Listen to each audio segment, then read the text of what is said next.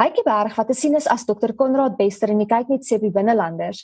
Gesels vandag met Marula Media oor sy stryd met aandagsgebrek hiperaktiwiteitssindroom, oftewel ADHD.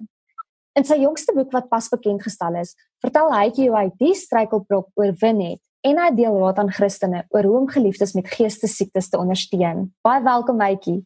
Hallo Christa, dis dis lekker om op die moet ek sê die show, is lekker om op die show te wees. Sien dit dat Zoom nou die wêreld oorgeneem het.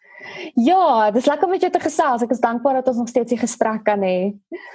Hykie, jy begin jou boek My stryd met ADHD, die onsigbare oorlog, met 'n teksvers uit 2 Timoteus 1 vers 7 en dit sê: Want God het ons nie 'n gees van vreesagtigheid gegee nie, maar van krag en liefde en selfbeheersing.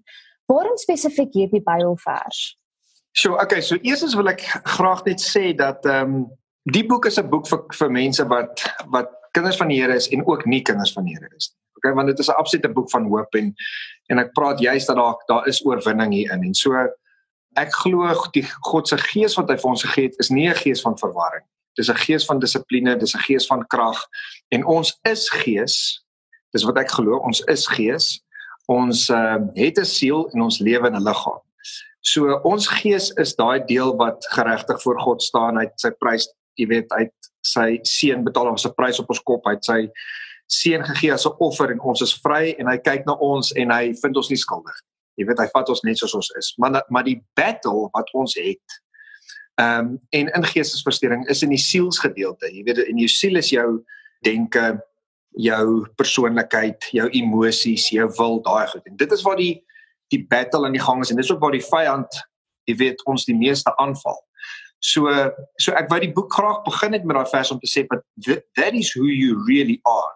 Die boek is glad nie 'n fokus net om te sê jy weet wanneer jy kind van die Here is en wanneer jy hierdie goed begryp en hierdie goed aanvaar dat jy iewes skielik gesond word nie, want dit is glad nie so nie. Jou proses van herstel is 'n absolute journey wat jy stap met jou gees, met jou siel, met jou liggaam, met mediese hulp, met ander hulp. So dis 'n absolute proses wat jy moet stap om gesond te word. But there's hope out there. Hytjie, so ja. in jou boek nooi jy lesers in die binnekamer van jou lewe deur jou rou eerlike vertelling van die stryd met aandagvleibaarheid.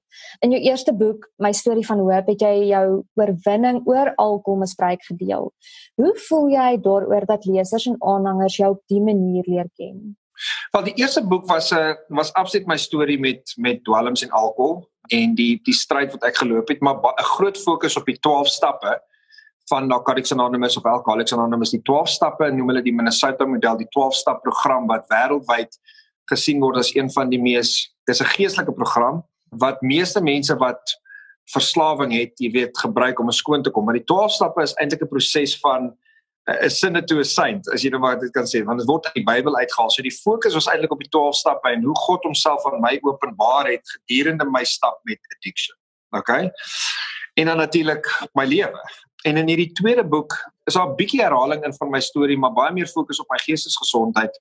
Want jy weet as jy vir iemand iets vertel, jy weet mense vereenselwig met jou pyn en met jou struwelinge. Hulle vereenselwig nie met jou oorwinnings nie. So wanneer jy vir iemand jou jou stryd vertel, dan kan iemand sê, "Ja, nou, jy weet maar ek sukkel met dieselfde goed." Jy weet iemand kan vereen jy weet homself vereenselwig daarmee. So maar die fokus en ek het in my eerste boek bietjie daaroor geraak is die geestesversteuring of die mental illness wat verskriklik gepaard gaan met drug addiction. Jy obviously, jy weet enigiemand kan ly daaraan. Dit dit jy weet dit is nie net addicts en alcoholics wat wat eintlik soms dalk ehm um, in 'n oormate daarin nie want want ek bedoel dwelms jy weet en alkohol dit vererger eintlik geestesgesondheid. So ehm um, ek ek wou die mense in my binnekamer vir uh jy weet vir jy weet ek wou hulle ingenooi het en ek wil ek wil hê dat mense met dit kan vereensalwig want ons duisende duisende duisende mense wat met hierdie goed sukkel. Die boek fokus obviously nie net op ADHD nie, maar op my sukkeling met depressie en bipolariteit en misdiagnoses. Jy weet ek is soveel goed gediagnoseer oor die lewe en daar was baie misdiagnoses gewees. Jy weet so ehm um, en dan natuurlik die pad van oorwinning dat 'n mens kan 'n vol lewe, 'n lewe van betekenis en 'n lewe van vryheid lewe. It's not easy. Dit is nie maklik nie, want die battle is real. Jy weet en dan natuurlik die vyand kom ook in en die die die fight gaan in jou kop aan. So mense het tools nodig om om hierdie goed te beklei. So dit was net dis net 'n boek van oorwinning. Dit was net 'n boek oor om te sê maar luister you know you can live a life free of this en dat jou diagnose is nie jou identiteit nie. Want dis baie keer wat gebeur. Toe ek gediagnoseer was met al al daai goed, jy weet, eers dink jy daar's iets fout met jou. Jy moet op medikasie gaan. Ek was op baie medikasie. Medikasie het my lewe gered vir baie baie lank. Maar daar's daar's shame wat gaan saam met medikasie. Dit volg jou soos 'n skade weer, you know. Jy dink altyd daar's iets fout met jou en my groot stryd oor een van die redes hoekom ek hierdie boek geskryf het was om sin te maak en ook vir die leser half te sê, jy weet, my stryd van hoe hoe moes ek my geloof jy weet in in 'n huwelik getree het met medikasie en mental illness. Want baie mense wat kinders van die Here is, wil nie medikasie gebruik want hulle dink maar dan is ek weak en as my faith nie groot genoeg nie. Baie mense sê ook vir jou, man, jy het nie medikasie nodig nie, so klomp rubbish, jy weet, bid net. Jy moet net 'n kind van die Here wees. My hele boek gaan oor dat ja, medikasie is 'n deel. Ja, jou geestes ehm um, uh, gesondheid of jou jou geesteslewe is 'n deel. Jou die, die biologiese faktore, jy weet jou omgewing, jou sosiale dinamika, jou familiedinamika, dis alles faktore wat jy in ag moet neem om gesond te word. So dit is 'n holistiese benadering wat jy moet gebruik um, om om gesond te word. Ek het maar het jy erns in die proses wat jy die boek geskryf het besef jy stel jouself bloot vir mense om dalk te dink jy's weerloos of dat jy dalk nie altyd positiewe ontvangs gaan kry vir die boek nie en dat, dat jy besluit ten spyte daarvan dat daar risiko is is hoe mense jou leer ken dat jy nog steeds gaan deurdruk en die boek skryf en dit is vir jou 'n belangrike saak. Kyk, ek dink ek dink ehm um, ja, dit was maar gehoorsaamheid. Jy weet al ek sal liewer sê die Here please as wat ek mense please, maar ek het besef dat ehm um, laat ek gou vir julle sê hoekom waar, waar hierdie hele ding ontstaan het. Ek het so So 2 jaar terug het ek 'n artikel gelees in 'n tydskrif, 'n baie bekende familietydskrif en hierdie dokter het gepraat oor ADHD onder volwassenes en gesê dat die medikasie is heeltemal veilig en is glad nie verslawend nie. Toe het ek 'n video gaan maak op Facebook om te sê ek stem met hierdie goed saam, maar dis 'n halwe waarheid want die uh, medikasie kan verslawend wees. It can be. Daar is gevare aan hierdie tipe goed. Okay? En toe as gevolg van hierdie video, ek sê vir jou Christa, ek het duisende e-posse ontvang van mense wat net gesê het, jy weet, hierdie medikasies werk nie vir my kind nie of my kind wil selfmoord pleeg of dit of dit of dat. En ek het ook e-posse gekry van mense wat gesê het, man, my kind, dit gaan baie goed met my kind. Toe besef ek die groot nood daar buitekant net om vir mense hoop te bring en inligting te bring. Jy weet, wat is die wat wat is die feite daar buitekant? En omdat ek so 'n ekstreme uh, ervaring gehad het met Ritalin Concerta omdat ek is 'n mood ek oh, ek is 'n ek is 'n recovering addict so ek kan nie mood altering substances gebruik nie en die realiteit is is dat Ritalin is methylphenidate en methylphenidate is 'n is deel van die familie van methamphetamine van tik jy weet tik is nou net baie erger maar dit is dieselfde tipe substance so natuurlik het dit waarde Jy weet as mense wat 'n artikel gaan skryf het en daar was 'n groot veldbrand gewees in die media en alles en ek het net so teruggesit en ek het hierdie ding gekyk. Jy weet hoe die mense te kere gaan omdat hulle reaksie op 'n artikel ge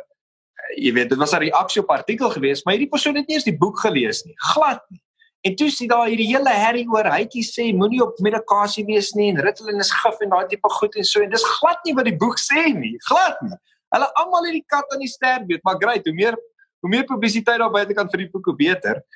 My my argument is is dat ja, dit het waarde, maar ek het ook die gevare van hierdie goed beskryf. Ek het gesê daar's baie misdiagnoses. Ek het gesê partykeer, nie altyd nie, partykeer word daar te vinnig medikasie gegee. Ja, daar is ander maniere om hierdie ding ook te benader. Ek bedoel daar's lande daar buite kan wat medikasie as die absolute laaste opsie sien en die mense is suksesvol. So ek sê nee, ek het nooit ek sê Jy weet psigiaters het my lewe gered, dokters het my lewe gered. Al wat ek net sê is daar kan 'n groot verwarring kom partykeer wanneer mense soms te vinnig op medikasie gaan of hulle word nie reg gediagnoseer nie of ehm um, hulle gaan nie deur die korrekte proses nie. Want onthou net as as as jy dink jou kind het 'n probleem, nê? Nee, die daar is 'n lang proses wat hierdie kind moet deurgaan. Jy weet is of psigiaters of pediaters, dan moet daar klomp goed gekyk word en dan moet daar natuurlik die beste moontlike oplossing vir die kind gekry word. En dit gebeur nie altyd.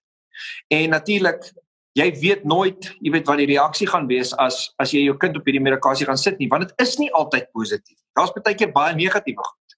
So toe ek in jy weet, dit gaan research en ek het dit geskryf en ehm um, en op die einde van die dag ek het geweet daar gaan 'n uh, ek gaan op mense se tone trap want daar is mense wat wat seker nou maar wat ander gedagtes het of nie glo wat ek glo en alles en so en dit is fyn. Dit is dis 100% niks wat ek sê in die boek is onwaar nie.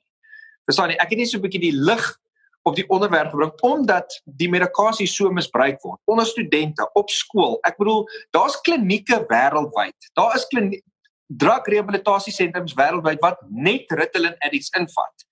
So wat die persoon daarso gesê het is nie waar nie. Dit is nie dat dit nie verslawend is nie. Jy kan verskriklik verslawend aan dit raak as jy dit misbruik. Maar nie almal gaan dit misbruik nie. Vir party mense doen dit wondere. Dis soos pynmedikasie. Pynpille kan great goed verrig. Jy weet, moenie vir my pynpil gee nie. Ek sal 'n boks uit Jy het also kortliks aan drie van my volgende vrae geraak. So maar die eerste wat ek nou vir jou wil vra is, hoe hanteer jy dan daai kritiek op jou boek? Want natuurlik reageer mense nou soos jy gesê het, kry jy baie boodskappe van mense af. Ek weet jou boek is nou onlangs eers bekend gestel, maar natuurlik gaan mense reageer. Ek het nog net positiewe boodskappe gekry. Ek het nog nie een negatiewe boodskap gekry nie.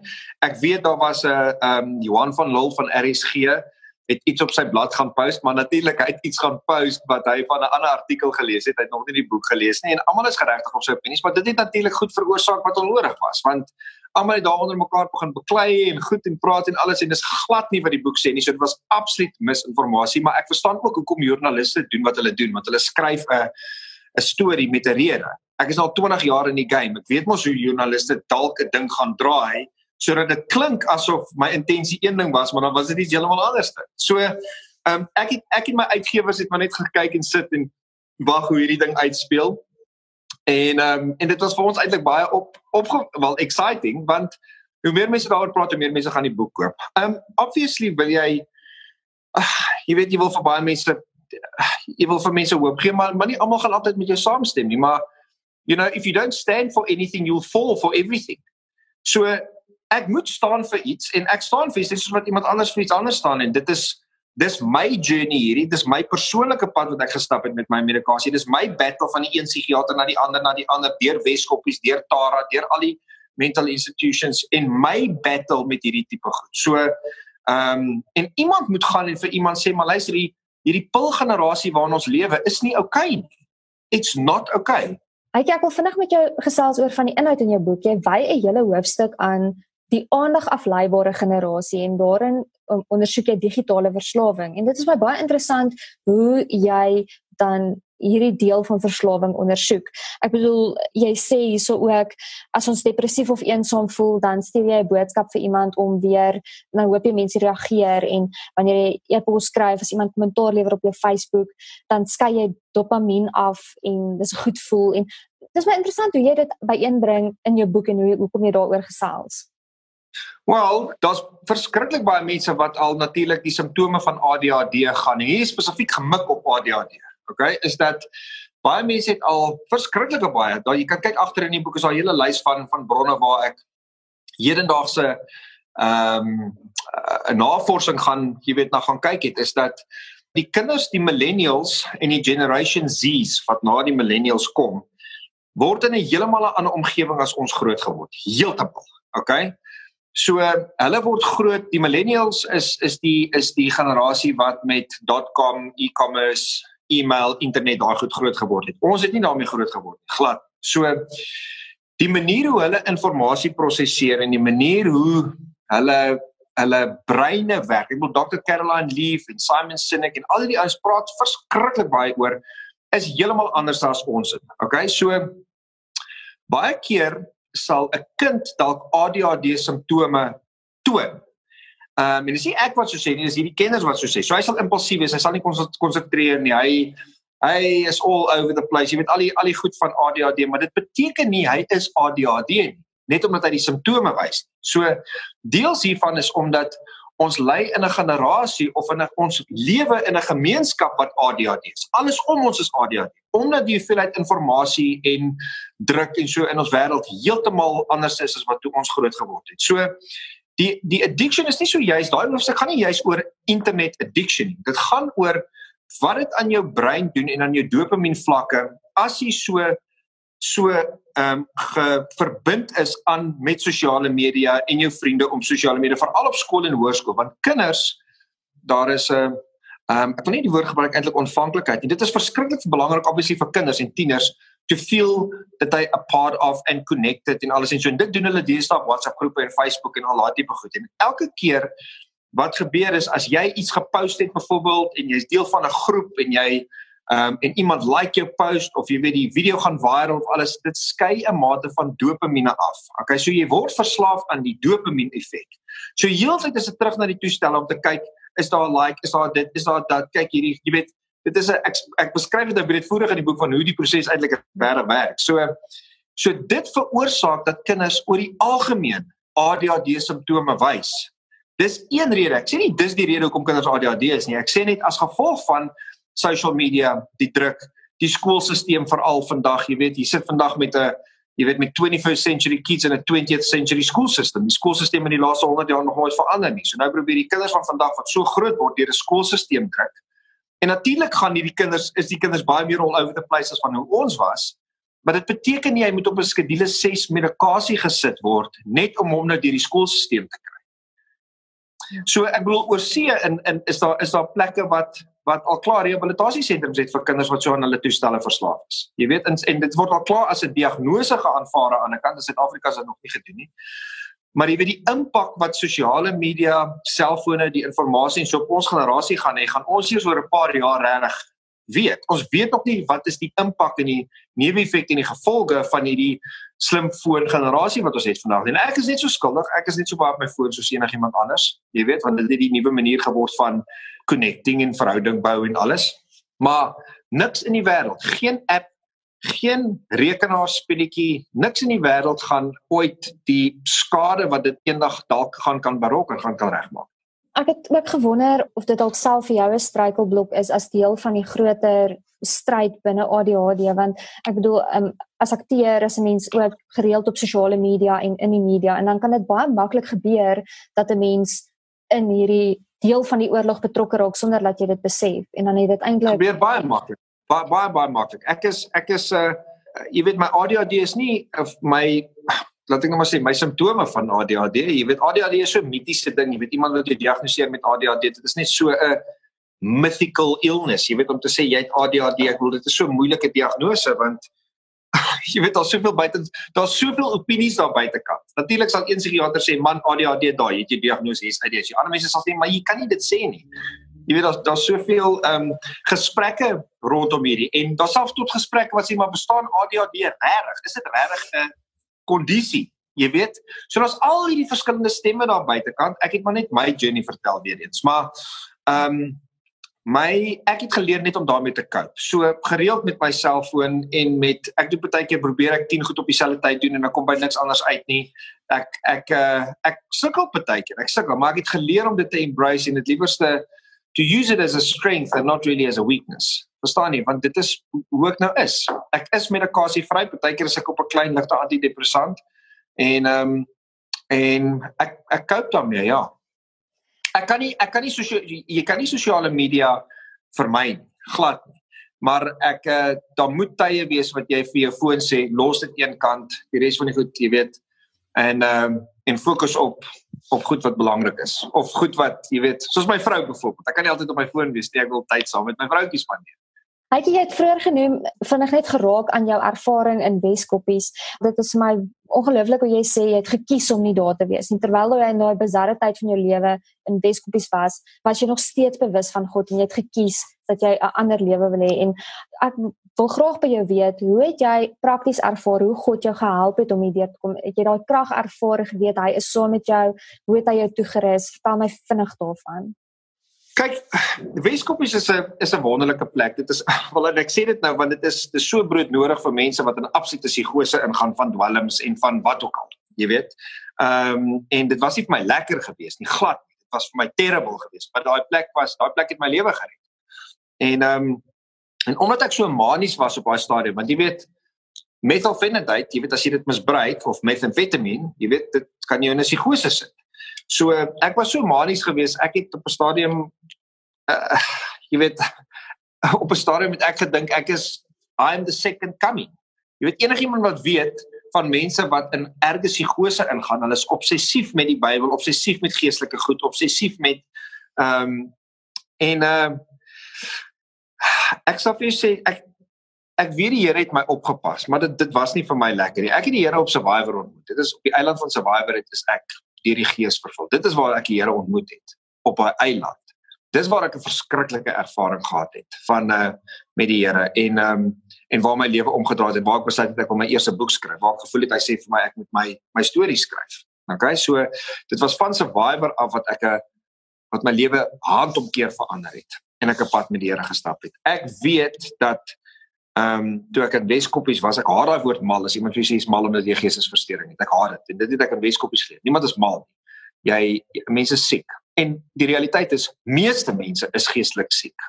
Jy weet en en dalk besef hulle dit net nie, maar ehm um, maar die Here het my absoluut beskerm absoluut want daar kon die mees verskriklikste goed gebeur het en hy het my beskerm en ek is daardeur en hulle kon my gestabiliseer het en ek het by my ma gaan intrek en van daardie moes ek weer stukkie vir stukkie my lewe opbou want dit was so half die klimaks gewees van 'n 2 jaar drug binge en ach, dit was in my lewe was net 'n absolute gemors. Ehm um, en van daardie die het dit stadig maar seker moes ek skoon gebly het. Ek moes aangehou gaan net na my Narcotics Anonymous meetings toe. Ek het die, die nommer 1 ding vandag in my lewe is nog steeds om skoon te bly. Want as ek nie sober is nie, het ek nie 'n verhouding met die Here nie. As ek nie sober is nie, het ek nie 'n verhouding met my familie nie. Het ek nie 'n verhouding met dan het ek niks. So die belangrikste ding van my lewe is my soberheid en dit hang af van hoe gesond my verhouding met die Here is. It depends all on that. Verstaan? Ehm um, ag die Here het al die mees ongelooflikste goed aan my openbaar. Ek dink as ek dit in 'n boek moet neerskryf van mense my terugsit in Weskoppies want hulle gaan dink hierdie ou dit is dit is nie waar nie, maar ehm um, Maar ja, ek stap 'n diep pad met hom en ek fight baie. Jy weet dit is nie maklik nie om 'n Christen te wees en regtig so diep pad stap. It's not an easy thing, really, veral nie vandag nie. Ehm um, dis hoekom hierdie boek ook dit gooi baie lig daar buitekant. So daar ons moet 'n battle verwag dat mense gaan sê maar jy weet, ek gaan ek gaan teenstryd kry. Maar jy weet dis nie my battle nie, dis die Here se battle. So it's not my battle.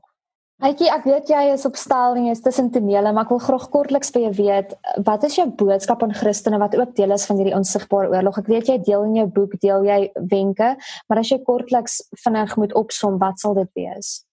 Is dat ek dink Christene en almal moet hulle self meer opvoed 'n mental illness because it's real. Dit is nie net taboe nie. Tweedens dink ek die Here het 'n uh, eh, en ek skryf in my boek, jy weet die, die een groot deel van die Here se bediening was om mense gesond te maak to heal people, jy weet, op alle vlakke en jy kan baie keer sien hoe hy mense wat regtig geestesversteurd is in die Bybel, jy weet, hoe hy hanteer en dit is die kerk se verantwoordelikheid en die leiers van die kerk se verantwoordelikheid om meer hierdie gesprekke te voer dat dit nie 'n taboe ding is jy weet as iemand nou sukkel met depressie of bipolariteit en alles dat dit 'n dan is baie judgement op dit okay maar ehm um, die tweede ding is is dat ek het vir jare na Cardiff Anonymous gesê hello I'm Heike I'm an addict. Dis wat jy sê sê hello I'm Heike I'm an addict. En jy weet so gaan nie aan vir vir klompie jare. Vandag sê ek hallo, my name is Heike and I'm struggling with the disease of addiction or I have verstaan jy so ek maak dit nie meer my identity nie. So wat ek vir mense wil sê is is dat dit is nie 'n doodsvonnis nie. It's not a death sentence. As jy nou op medikasie moet gaan, is dit soos 'n derde wieltjie wat jy nou gebruik om die tweewielfietsie te ry en eendag gaan jy dalk weer 'n tweewielfietsie kan ry. Verstaan? So it's not a death sentence. It is okay. There's no shame on it. En daar's regtig regtig hoop daar buitekant. You are spirit. Jy weet jou jou alles in die lewe is gebroken. Hier is eintlik die boodskap. Die boodskap van die boek is basically that everything in life is broken. You are broken, I'm broken, die wêreld is gebroken, die ekonomie is gebroken, tot die weer is gebroken. Alles is gebroken. En ons lewe in 'n gebroke wêreld. En soms het mens hulp nodig and there's no shame in asking for help. Gevra vir hulp.